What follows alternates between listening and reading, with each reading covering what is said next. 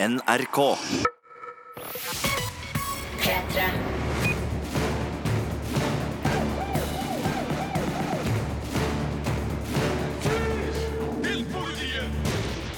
Du hører en ny podkast fra Filmpolitiet, som i dag er ved Marte Hedenstad. og Birger Vestmo. Vi har eh, sett det nyeste nye innen film og serier, og vi starter med seriene først. Marte, fortell, hva er det du skal fortelle om i dag? Jo, altså, Jeg har jo da sett Netflix sin nye serie som de nesten sniklanserte forrige uke. The End of the Fucking World, heter den. Eller The End of the F prikk, prikk, prikk ing world. Eh, eh, og det er en skikkelig skikkelig godbit. Eh, Og så har jeg sett da sesongpremieren på The Magicians sesong 3, som er en veldig populær serie i HBO Nordic. Jeg har vært på kino og sett The Greatest Showman, som er en ny stor musikal med annet eh, Hugh Jackman, Zac Efron og Michelle Williams i hovedrollene. Og så har jeg sett det britiske dramaet Darkest Hour, som Gary Oldman nylig fikk en Golden Globe-pris for. Det gjaldt hans hovedrolle som den britiske statsministeren Winston Churchill. Og ehm, så har Fredrik Skaget Øyen sett eh, Liam Neeson-filmen The Commuter, som er en ny action-thriller om bord i et tog som vel bærer visse likhetstrekk med Taken, har vi skjønt. Og så har du vært på kino og sett russisk film, Marte? Yes, Spacewalker heter den, og handler om altså, de første menneskene i verdensrommet. Og jeg har sett Woody Allens eh, nye film Wonder Wheel, som har eh, blant andre James Belushi og Kate Winslet og Justin Timberlake i hovedrollene.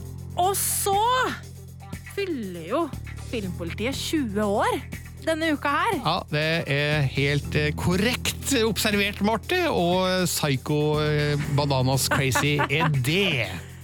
Så det må vi jo ta en liten prat om. Vi mimrer tilbake til åpningssendinga 11. januar 1998. Men først rettes oppmerksomheten mot uh, ukas uh, nye filmer. The Greatest Showman skal anmeldes nå. Filmpolitiet anmelder film. Look out, 'cause here I come. And I'm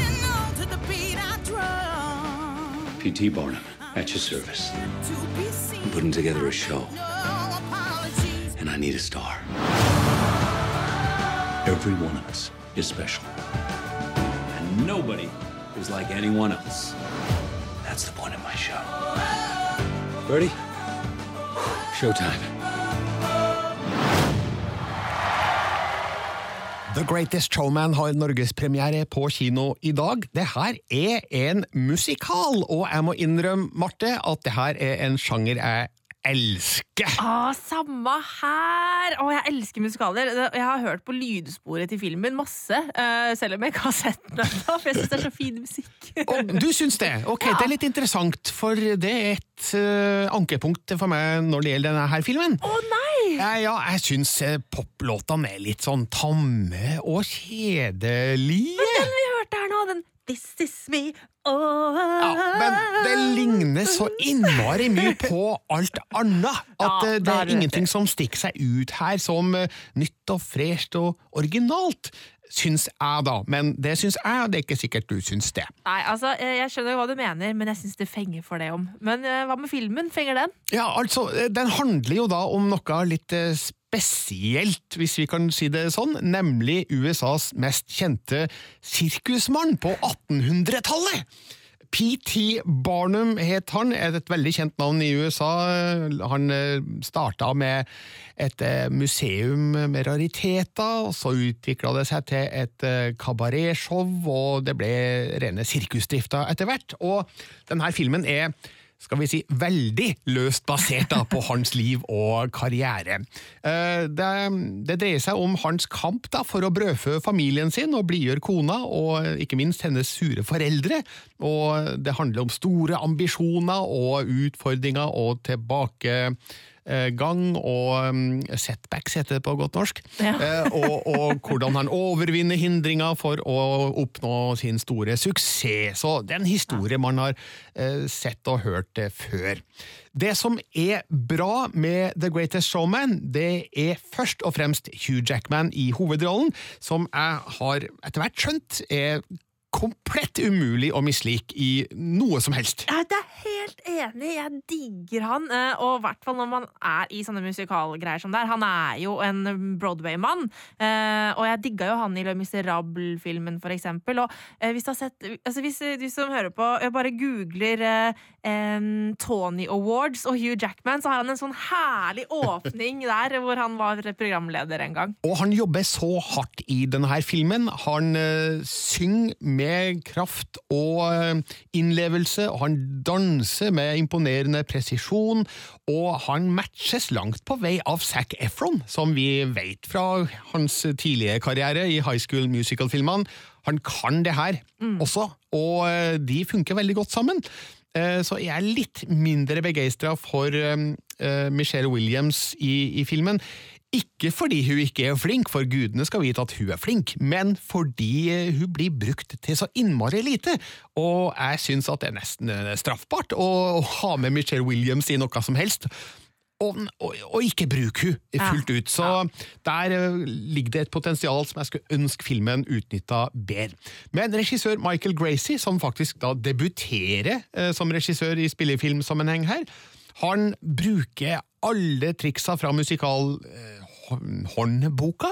Eh, det er mange sekvenser her som det er lagt ned mye arbeid i. Eh, koreografien er fantastisk, og eh, kameraføringa til Seamus McGarvey er utrolig bra. Så det er veldig mye lekkert å se her. Eh, så det som er ankepunktene, er altså litt kjedelig pop, syns jeg, og en litt tam historie der eh, du føler at dette har du sett før. Denne historien er fortalt mange ganger tidligere, så den utmerker seg ikke på noe som helst vis, det blir litt sånn banalt, det som fortelles. Men måten det fortelles på, det gjør at The Greatest Showman absolutt er i stand til å underholde. Terningkast fire. Les mer om film, spill og serier på p3.no Filmpolitiet. Og nå, Marte Hedenstad, skal du fortelle oss om en knakende god serie. Yes, The End of the Fucking World. Filmpolitiet er anmelder TV-serie. I'm James.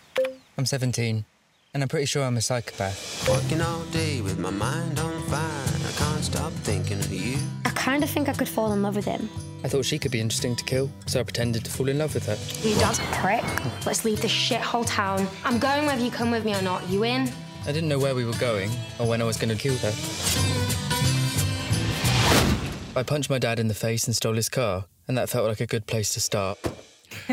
The End of the Fucking World ligger ut på Netflix, og den har kommet snikende inn på oss, Marte. Ja, vanligvis så blir vi pepra med masse promoopplegg i forkant av serieutgivelser, men eh, den her kom bare plutselig, eh, og jeg så den bare helt tilfeldigvis. Jeg var inne og surfa på Netflixen i helga, eh, og det her er en ganske så fin britisk serieperle. Og som vi hørte her, så handler det da om James og Alyssa, som er to outsidere som eh, Ja, skal vi si Alyssa er en sånn bitter tenåring som hater alt og alle. James eh, sverger på at han er psykopat, eh, og som vi hørte her, så har han lyst til å drepe noen, eh, og velger seg da ut Alissa, som har valgt ut han for å være kjæresten sin. Ja, Det høres jo hyggelig ut! Ja, det høres kjempehyggelig og merkelig ut. Eh, og sammen da så stikker de av hjemmefra eh, og legger ut på en roadtrip. De aner ikke hvor de skal.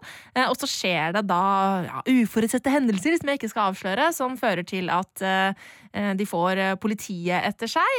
Og så begynner de også da etter hvert å nærme seg hverandre, da. Hvorfor er det her bra? Nei, det er eh, Nå spør du godt, Birger, for det her er så innmari bra også. Eh, og det henger sammen med at det er en sånn fin miks av eh, litt sånn tenåringsdrama, road movie og litt sånn krim. med en sånn herlig britisk humor, sort komediestil over det hele. Og så har vi en, en sånn indre monolog som både Alyssa og James har gående underveis hele tiden, som fører til veldig ganske mye komiske sekvenser, hvor eh, det de sier og det de tenker, selvfølgelig da ikke henger helt sammen. Som gjør at det er veldig morsomt. Eh, men det gjør også at vi får et innblikk i karakterutviklinga deres på en eh, ganske fin måte. For det her er en veldig kort serie. Det er bare åtte episoder på 20 minutter. og for å da liksom få noe ordentlig meningsfull karakterutvikling, så funker den indre monologen veldig godt til å vise hva som skjer inni sinnet deres. da. Um, og så er det rett og slett um, veldig fin kjemi mellom James eh, og Alyssa. Um, det er eh, Alex Lawther og Jessica Barden som spiller de to. Um, og de to er bare strålende skuespillere i sine roller. Jeg liker spesielt Alex Lawther, som har en sånn eh, utrolig evne til å være helt sånn apatisk i fjeset, men likevel formidle veldig mye med uttrykkene sine, da.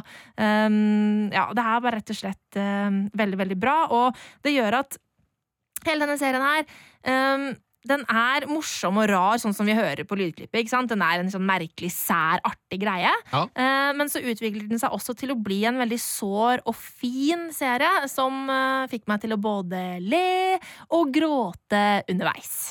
Og alt det her kan du nå se på Netflix, åtte episoder av The End of the Fucking World, og du, Marte, du slår rett og slett til! Terningkast seks. Les mer om film, spill og serier på p3.no Filmpolitiet. I dag har Jumanji Welcome to the Jungle norgespremiere, med stjerner som Dwayne Johnson, Jack Black og Kevin Hart i de ledende rollene. En annen stjerne anmelder filmen her, nemlig Sigurd Vik. Filmpolitiet anmelder film. Yo, what's this? A game for those who seek to find a way to leave their world behind. Jumanji. Jumanji Welcome to the Jungle er en lettbeint actionkomedie som sikter på det brede publikum og lander stødig i en nostalgidynka, men litt tam feelgood-jungel. Som i originalfilmen Jumanji fra 1995 er konseptet om spillet som blir virkelig, bedre enn historia. Manuset er hamra sammen etter en forutsigbar formel og har verken skurk eller fantasirikdom nok til å matche de beste eventyrfilmene i sjangeren. Men et morsomt rollegalleri, en del kule spillreferanser og den samla karismaen til stjernetrioen Dwayne The Rock Johnson, Kevin Hart og Jack Black gir filmen energi og sjarm nok til å klare seg godt i kinomørket. Welcome to detention. Spencer, Bethany, Fridge, Martha. You're all here for a reason. Hey, person walking. Med et effektivt grep som også utvider Jumanji-mytologien, overfører regissør Jake Kasten det magiske brettspillet fra 1995 til en utdatert videospillkonsoll.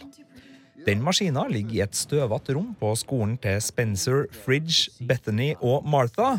De har fått beskjed om å rydde kjelleren som en del av gjensittingsstraffa deres. Men da de finner Jumanji, tar de seg en liten spillpause. Oh god. Fridge? Yeah, Fridge, who are you? It's me, Spencer. Who is she? Martha? Det betyr nok et jungeleventyr, denne gangen inne i selve spillet. Hvor gjengen må kjempe mot slemme mopedbøller, menneskespisende flodhester og en ond arkeolog.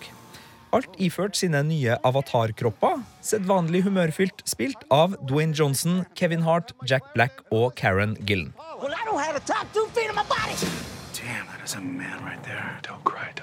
Selve spenningshistoria i jungeleventyret blir bare sjangergreit. Her lånes det litt fra Uncharted og Tomb Raider-spillene, uten at det bringes nye magesug til bordet. Skurken lener seg også hardt på Indiana Jones-verden, men blir aldri verken farlig eller parodisk god. Men det ødelegger ikke filmens hovedmål, nemlig å underholde med småpubertal humor, lunt vennskap og spretten slapstick. Der er Jumanji Welcome to the Jungle en fartsfylt safari, full av friksjonsfri hverdagsflukt som fungerer godt for både ung og nostalgisk voksen.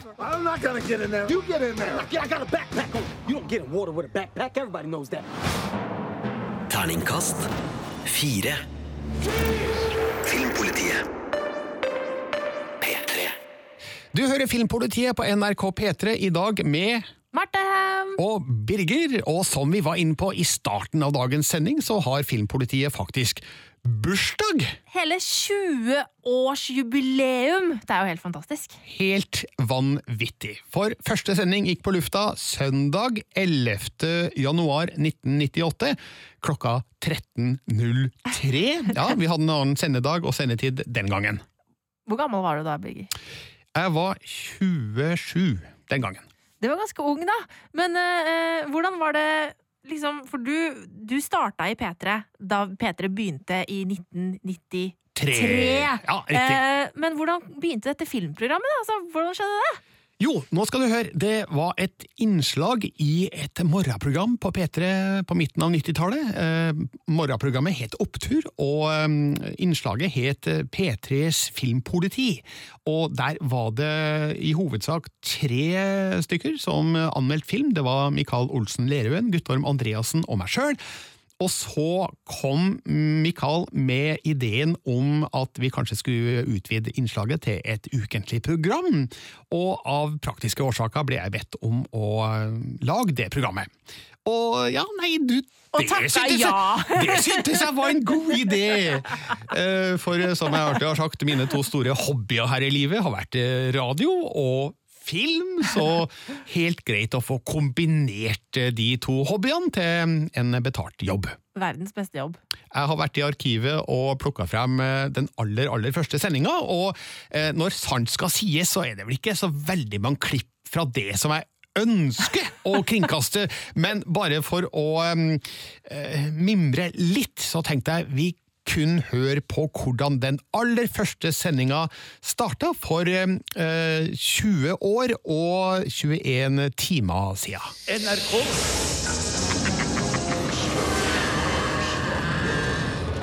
P3. Oh, P3.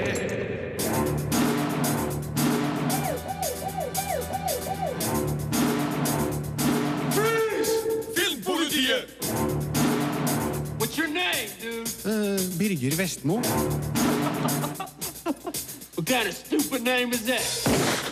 De sier jo 'camera, lights, action' på et filmsett, men siden det her er radio, så får jeg vel bytte ut kamera med mikrofon. Altså 'microphone, lights, action'. Og velkommen til den aller første utgaven av Filmpolitiet. Programmet som hver søndag fra 13 til 15 skal gi deg siste nytt innen film og video. Du skal få anmeldelser, sladder, rykter, filmmusikk, kule filmklipp og mer til. Men er det ikke typisk? Denne helga har det ikke vært en eneste norgespremiere på kino. Vel, da må vi ty til videofronten i stedet, og jeg må finne en film som virkelig kan gi Filmpolitiet en pangstart og befeste her programmets posisjon som seriøst organ for den filminteresserte. Derfor kan du høre mer om Beavis and Butthead Do America etter Mama Said Carleen Anderson.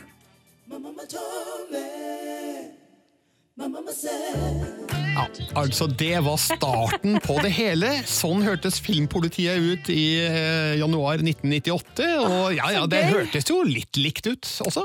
Og ganske annerledes. Du, du har, stemmen din har utvikla seg siden eh, den gangen, på 20 år. Ja, Det er mulig at det skyldes eh, flere ting, blant annet at jeg var dritnervøs.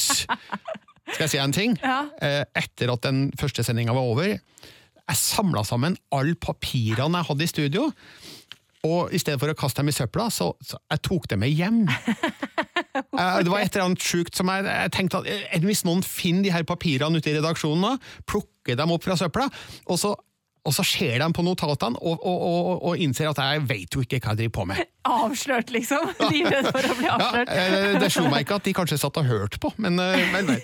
Eh, Så det var den spede begynnelsen, og som du hørte, Beavis and Butthead Do America ble den eh, aller første filmen som eh, ble anmeldt, eh, i og med at det ikke var noen premierefilmer denne uka. Jeg lurer på om det var litt sånn tynnere, roligere kinomarked i 1998 enn det det er nå, for nå er det jo seks, sju, åtte premierer hver uke, føles det som. Ja, det er jo det. det er kanskje, vi hang litt lenger etter USA den gangen også, kanskje. Ja, nå kommer jo filmene samtidig overalt, men den gangen så tok det gjerne et halvt år, eller et år før filmene kom. Altså, eh, Titanic hadde for eksempel ikke hatt premiere enda. Eh, ennå den kom i 1997. Og den første sendinga husker jeg vi snakka om eh, andre kommende filmer, som Harald Svarts debutfilm Hamilton, eh, Paul Verhovens Starship Troopers, og vi snakka om eh, Paul Thomas Andersons Boogie Nights, eh, som var filmer som skulle sette sitt preg på da 1998. Og så snakka vi om Alien-filmene, fordi en uke etterpå skulle den fjerde ha premiere, nemlig Alien-oppstandelsen. Så det var litt av det da som skjedde i eh, den første filmpolitisendinga i 1998. Og nå, 20 år etterpå, så syns vi greier oss bra, jeg, Marte. Ja, det får vi da virkelig håpe. Vi tar 23. Filmpolitiet anmelder film. Now is the time to negotiate in order to obtain the best conditions possible. Hitler will not insist on outrageous terms. He will know his own weaknesses. He will be reasonable. When will the lesson be learned? When will the lesson be learned? How many more dictators must be uh, wooed, appeased, good God, given him mixed privileges before we learn? You cannot reason with a tiger when your head is in its mouth. Og det du hørte der, Marte, var trolig scenen som ga Gary Oldman en Golden Globe-pris natt til mandag. Ja, herlighet. Han, ja, altså, jeg kunne høre med en gang, hadde jeg ikke visst det engang, så hadde jeg hørt eh, at eh, det var Winston Churchill Gary Oldman spilte der. Han har en helt sånn særegen måte å snakke på, med et veldig spesielt tonefall. Eh, Så jeg har jo ikke sett filmen, men det har du. Ja, og også utseendemessig så matcher han Winston Churchill veldig bra, takka være en dyktig maskør. Eh, og så skader jo heller ikke filmen at den er veldig, veldig god. Den er godt fortalt, den er drivende godt fortalt, og eh, den er informativ og underholdende på samme tid. Det dreier seg altså om eh, Winston Churchill, hvordan han ble statsminister i Storbritannia i mai 1940, akkurat idet Hitler og hans nazister begynte å invadere europeiske land, deriblant Norge. Hvordan det slett ikke var helt uproblematisk at han ble statsminister, og eh, hvordan han måtte kjempe med sin egen regjering om hvordan de skulle møte trusselen som eh, Hitler innebar. innebar. Og denne filmen eh, forteller jo da om eh, disse problemene og utfordringene som han sto overfor, og hvordan han da etter hvert greide å vekk den, eh, den nødvendige støtten og engasjementet i både eh, sine regjeringsmedlemmer og det britiske folk for å stå opp da mot eh, Hitler. Ja, altså, det, den filmen her kom på et veldig sånn passende tidspunkt, fordi i fjor så kom jo The Crown, eh, hvor John Lithgow spilte Winston Churchill da senere i hans karriere, og det, han var jo den beste rollefiguren i hele serien omtrent. Det var veldig spennende, og nå kommer da denne filmen om, om starten og sånn. Eh, så jeg tipper at det kommer til å bringe sikkert ganske mange eh, kinogjengere til eh, salen da, for å liksom vite mer om han. Ja, og ikke bare det.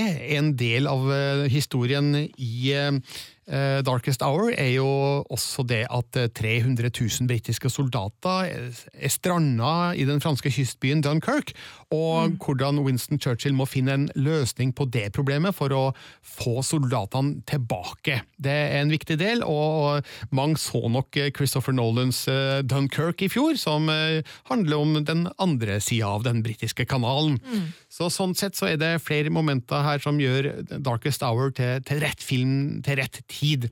Og den er som sagt veldig god, med Gary Oldman i en strålende hovedrolle, der vi virkelig, eh, ja, for å bruke en floskel, eh, floskel alert, der man virkelig kommer inn under huden på Winston Churchill, eh, fordi det handler ikke bare om eh, hans eh, framtreden som politiker, men også om hans eh, varme forhold til kona Clemmy, spilt av Kristin Scott Thomas.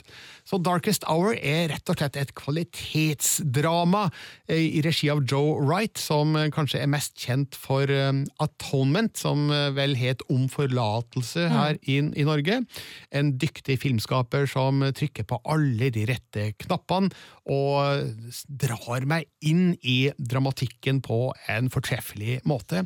Så det her er kvalitetsfilm, altså, fra A til Å, og eh, ja, nå, nå gir jeg ikke terningkast seks, og spør du meg hvorfor, så eh, må jeg tenke litt Men det, det har med å gjøre at jeg prøver å være litt forsiktig da med den øverste karakteren, men jeg syns at Darkest Hour virkelig fortjener Terningkast fem.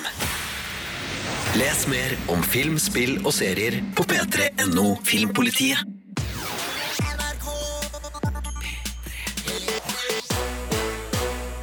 I Filmpolitiet i dag Marte. og Birger, og vi skal ta en liten titt på nyhetsfronten når det gjelder film, i hvert fall, og også litt spill.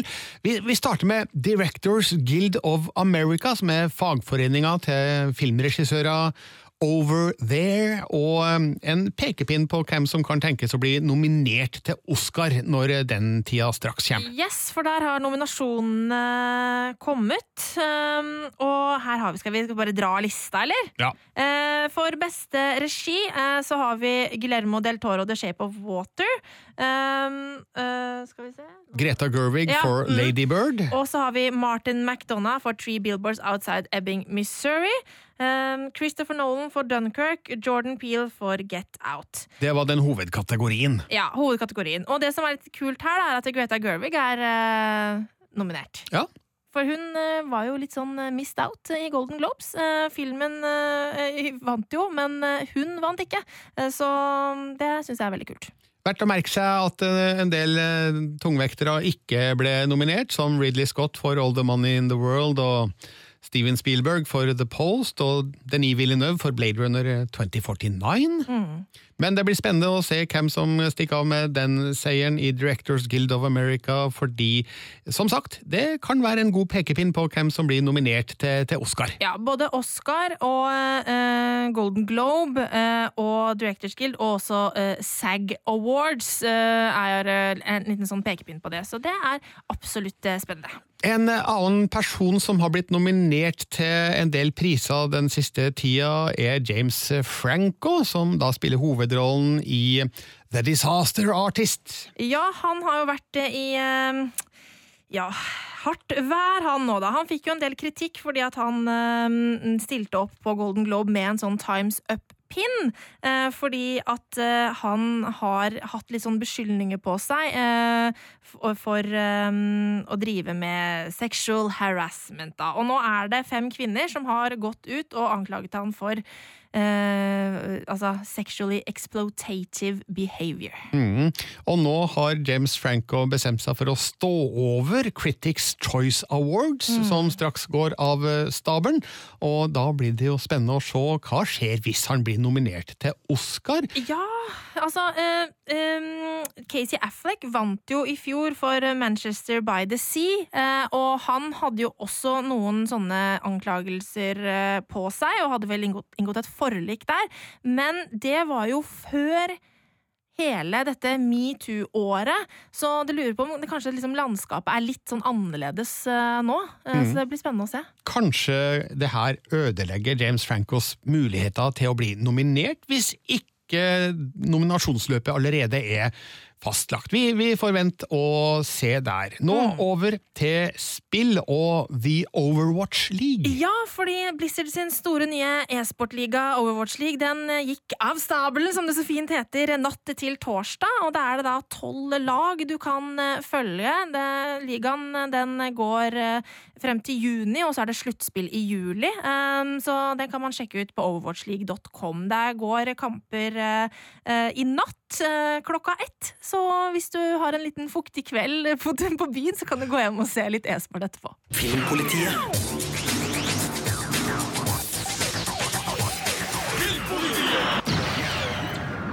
Og da skal vi over på enda en TV-serie, Marte. Yes, eh, nå skal vi snakke om The Magicians. Filmpolitiet anmelder TV-serie. We really didn't know how good we had it, did we? We complained about everything magic couldn't do. Because we couldn't see that a world without it was pointless. Maybe there's a way to get it back. Do you want your magic back? I'll send you on an epic quest. That sounds like something I might really fuck up. Det er altså snakk om den tredje sesongen av The Magicians på HBO. Og kan du fortelle meg hva slags serie det her egentlig er? Jo, altså det her er en eventyrserie satt i vår tid. Magi er virkelig, men vanlige mennesker vet ikke om det. Og så har man eh, en hemmelig skole som ingen andre enn de som har Wait a magiske minute! evner. Wait a minute! Ja, Det er ikke Harry Potter, det her. eh, Og det er heller ikke Narnia, for eh, halvparten av serien foregår i eh, kongeriket Fillory, som du kan komme gjennom til med, ved å gå gjennom en sånn magisk portal.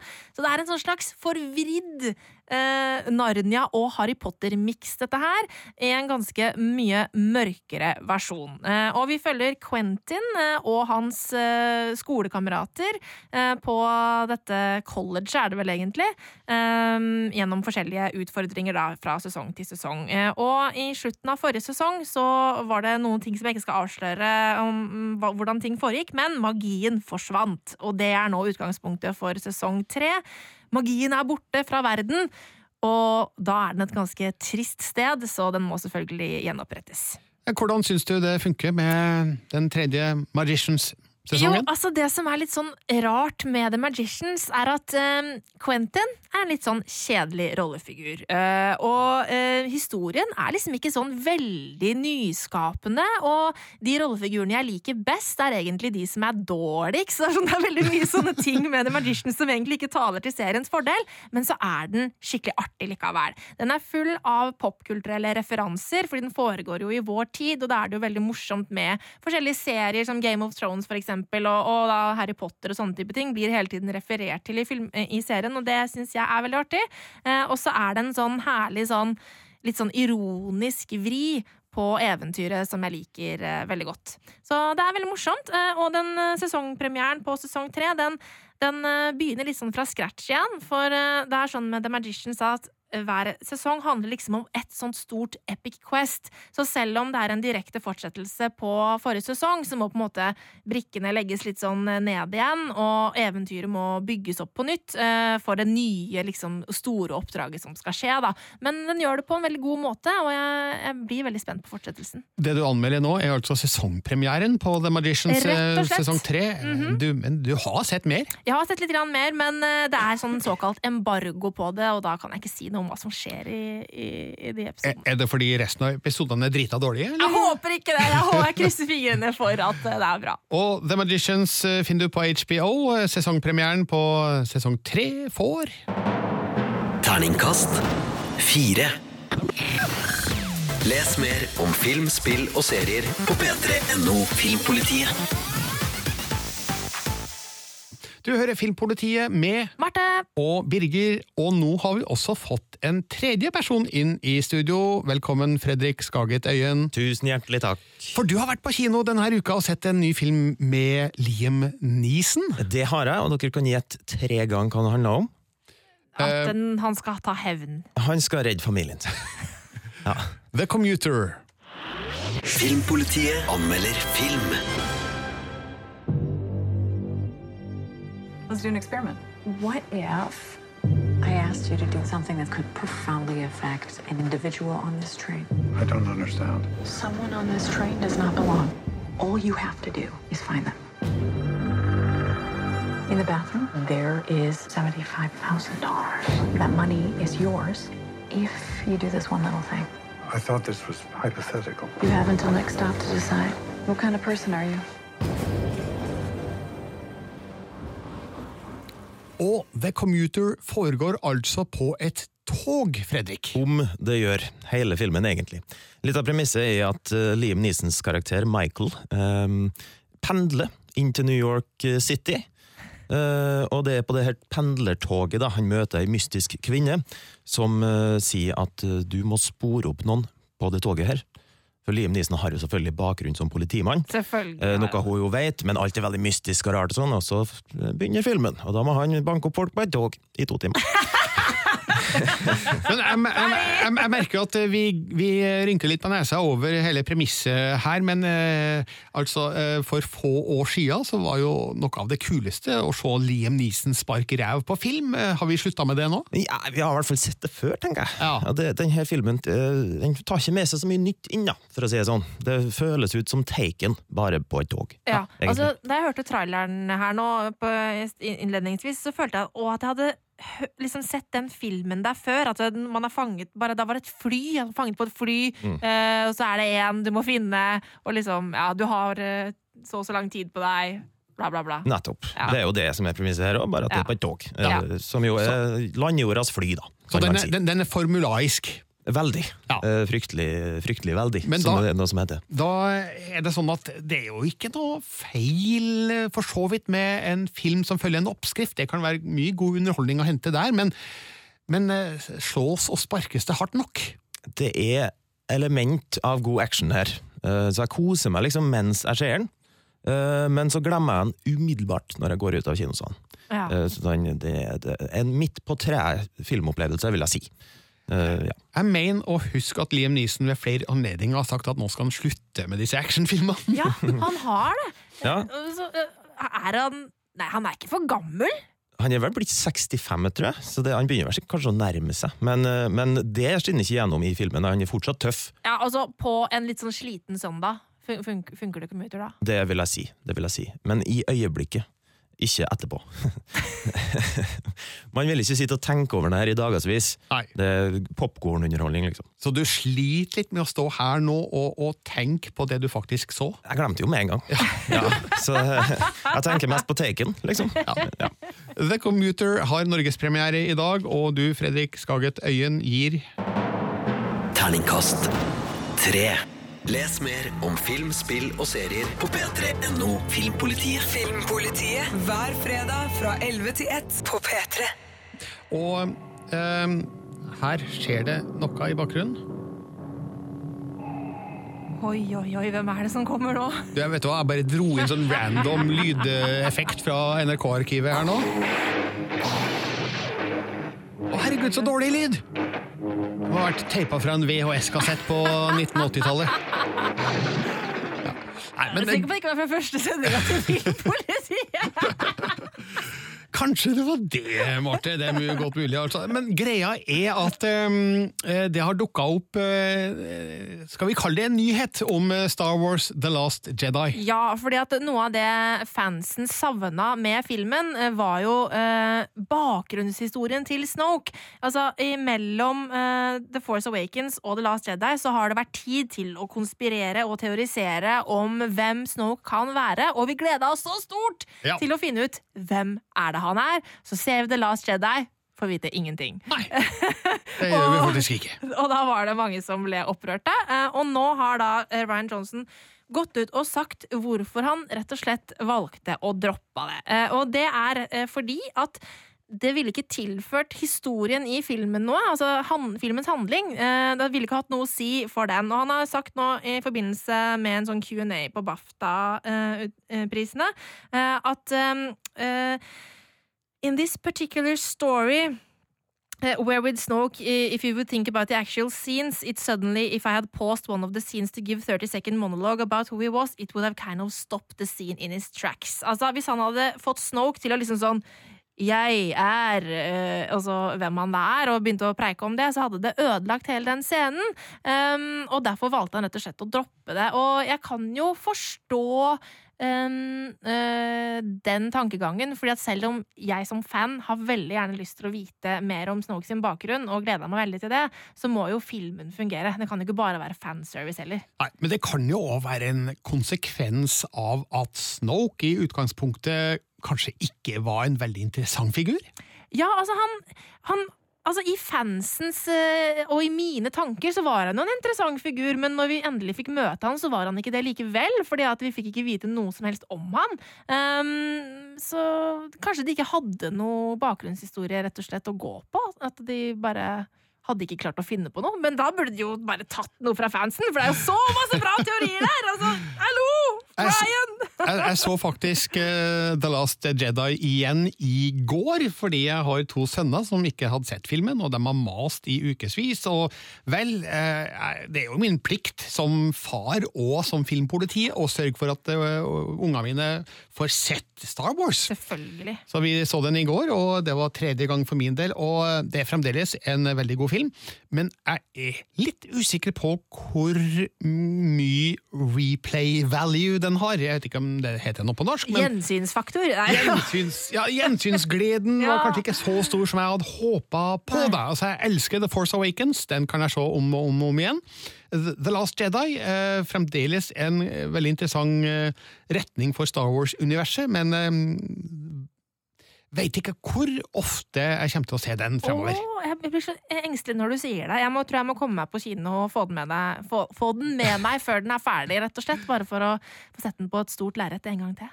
Gjør det, den går fremdeles på kino stort sett over hele landet. Dette er Filmpolitiet på P3. P3. Og nå over til den russiske filmen som har hatt norgespremiere denne uka, nemlig Spacewalker. Filmpolitiet anmelder film.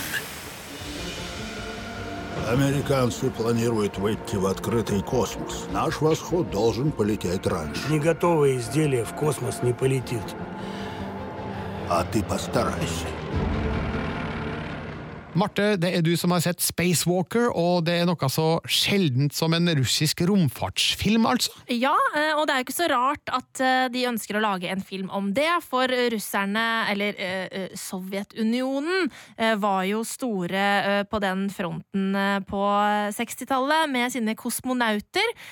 Og denne filmen handler da om Aleksej Leonov, som var verdens første menneske til å på en måte gjøre en såkalt spacewalk. At du er da utenfor et romskip i verdensrommet. Eh, Og det her er en eh, eh, veldig eh, patriotisk film. En eh, veldig interessant film hvis man er interessert i romfart. Eh, og så tror jeg, jeg kjenner jo ikke historien sånn kjempe, kjempegodt, eh, men det virker som en veldig realistisk fremstilling da, av hvordan eh, ting gikk for seg. Eh, og Aleksej Leonov han har vært konsulent på filmen. Og så er det også en film som er, har veldig mange flotte bilder. Er litt langdrygg til tider, men også drar seg til og er skikkelig spennende på toppen. Hollywood har jo vært veldig flinke til å lage spennende filmer basert på NASAs eh, romfartseventyr. eh, slår de seg like hardt på brystet i Russland? Ja, de gjør nok det, eh, og det handler jo om hele dette romfartkappløpet, eh, og hvordan, hvor viktig det var å slå USA. Det spilles det veldig mye på i filmen her. Eh, Og vi følger eh, Aleksej Leonov helt fra han var en pilot og gjorde litt sånne sprø stunts i sin pilotkarriere, til han ble plukket opp for å bli kosmonaut. Um, og på en måte Vi får se hele hans utvikling. Um, og i den forbindelse så, så spilles det veldig mye på hele dette, hele denne krigen, og om hvor på en måte eh, bra eh, eh, da Sovjetunionen var, som klarte å få til dette her. Men eh, de legger heller ikke skjul på eh, hvor mye som gikk galt, eh, og hvor mye som kunne ha gått enda verre. Nå er vi jo vant til romfartsfilmer med store effekter. Herregud, mm. Gravity, Apollo 13 2017 osv. Hvor flinke er russerne på special effects? Jeg syns de er veldig flinke. Eh, det er en del kule mm, sekvenser eh, når de driver og trener på vektløshet, eh, som, jeg, som det ser ut som er tatt opp i et fly. For det var sånn de trente. De kjører et fly fort oppover, og så når det da kjører nedover igjen, så får de en sånn vektløs tilstand. Det så jo veldig kult ut, og det er jo en praktisk effekt i så fall. Og også denne, dette romfartøyet som sirkler rundt jorda, eh, ser også veldig bra ut. Um, og spacewalken eh, er også veldig troverdig. Det var et par sånne småting her og der, blant annet en sånn tube med mat som flyr i vektløs tilstand eh, inne i kabinen, som ser litt sånn vel CGI ut. Og så er det noe, noe lefling med noe um, tilbakeblikk og litt sånn drømmelignende sekvenser fra Leonov sin barndom, som ser litt eh, sånn CGI-aktig ut, men eh, det på en måte tillater jeg, fordi det er en litt sånn drømmeaktig sekvens.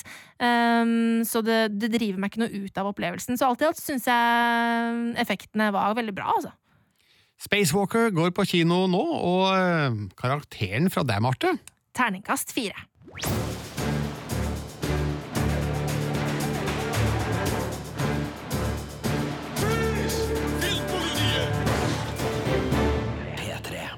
Og nå noen ord om Woody Allens nye film Wonder Wheel.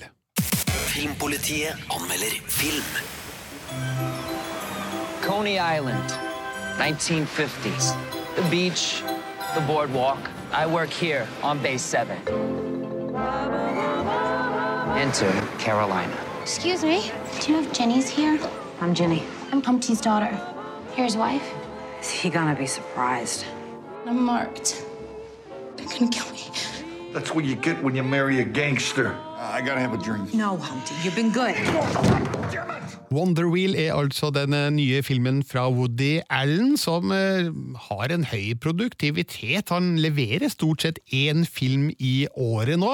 Eh, det kan han gjøre mye takket være at han jobber med mange av de samme folka rundt seg, så det virker som en sånn tett sammensveisa team her som er i stand til å levere filmer på løpende bånd. Denne historien finner sted på Coney Island, fornøyelsesparken i New York, eh, tidlig på 1950-tallet. Og vi får da historien om et eh, parforhold som eh, opplever problemer på flere måter. Jim Belushi, broren til den mer kjente, vil jeg si, da, John Belushi, som ja, har vært død i mange, mange år spiller Humpty, som driver en karusell da, på Coney Island. Han er da i et forhold med Ginny, spilt av Kate Winslet. Det blir problemer når um, Humptys datter Carolina, spilt av Juno Temple, eh, søker ly hos dem. Eh, hun har rømt fra sin mafiakjæreste. Eh, samtidig som eh, Ginny, altså Kate Winslets eh, figur, innleder et forhold med mm, livvakten Mickey, spilt av Justin Timberlake. Så her er det parforviklinga som handler om kjærlighet og slemme mafioso på jakt etter Carolina, og det er småmorsomt, vil jeg si. Det er et veldig stjernespekka lag Woody Allen har fått med seg her. Han, han er jo en fyr som klarer, klarer det. Ja. Hvordan, eh, hvordan er folk? Er det kjemi? Er det godt skuespill? Ja, altså, man kjøper ikke helt, eller jeg kjøper i hvert fall ikke helt uh, at Humpty og Ginny er et par. Det er en ganske betydelig aldersforskjell mellom de, og eh, Ginny virker ikke som en dame som ville ha vært sammen med en fyr som Humpty, hvis du Ja. skjønner hva jeg mener. Eh, og så ser man heller ikke helt at livvakten Mickey, som igjen er betydelig yngre enn Ginny, eh, ser noe i hun som ja, gjør at et forhold virker som en naturlig utvikling da. Men ok, det er nå i hvert fall slik Woody Allen har valgt å forfatte denne historien, og det fører jo til en del situasjoner med eh, parforholdproblematikk som eh, om man ikke kjenner igjen det, så kan man i hvert fall forholde seg til det. Alt svøpt inn i eh, ekstremt nostalgiske bilder av Coney Island, slik det kanskje fremsto på tidlig 1950-tall, da Woody Allen var ung og håpefull sjøl.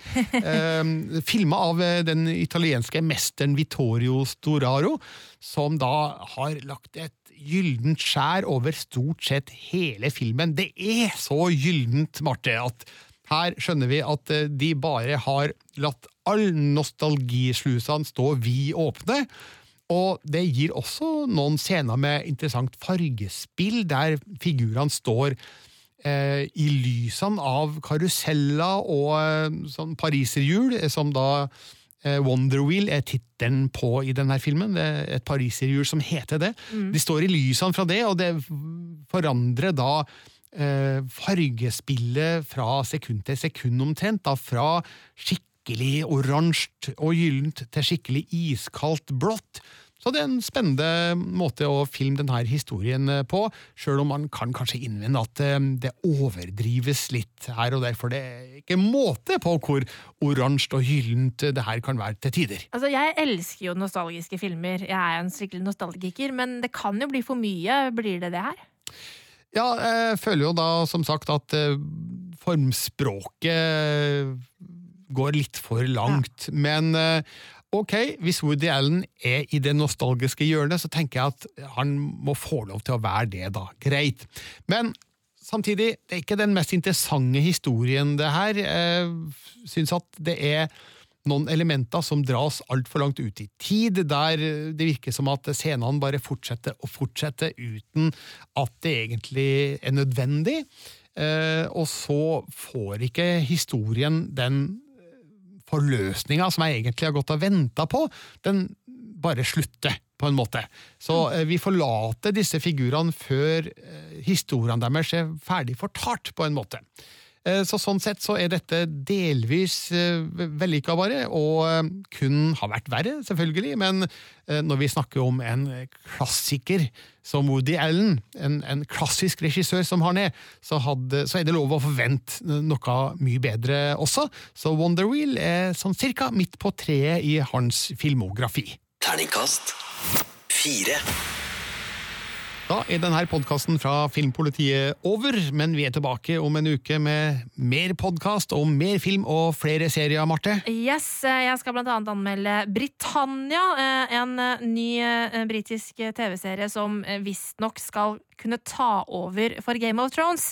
Jeg sier allerede nei til det, men eh, Så det, ja, den skal du få høre min dom over. Og så er det jo eh, kinopremierer også neste uke, da.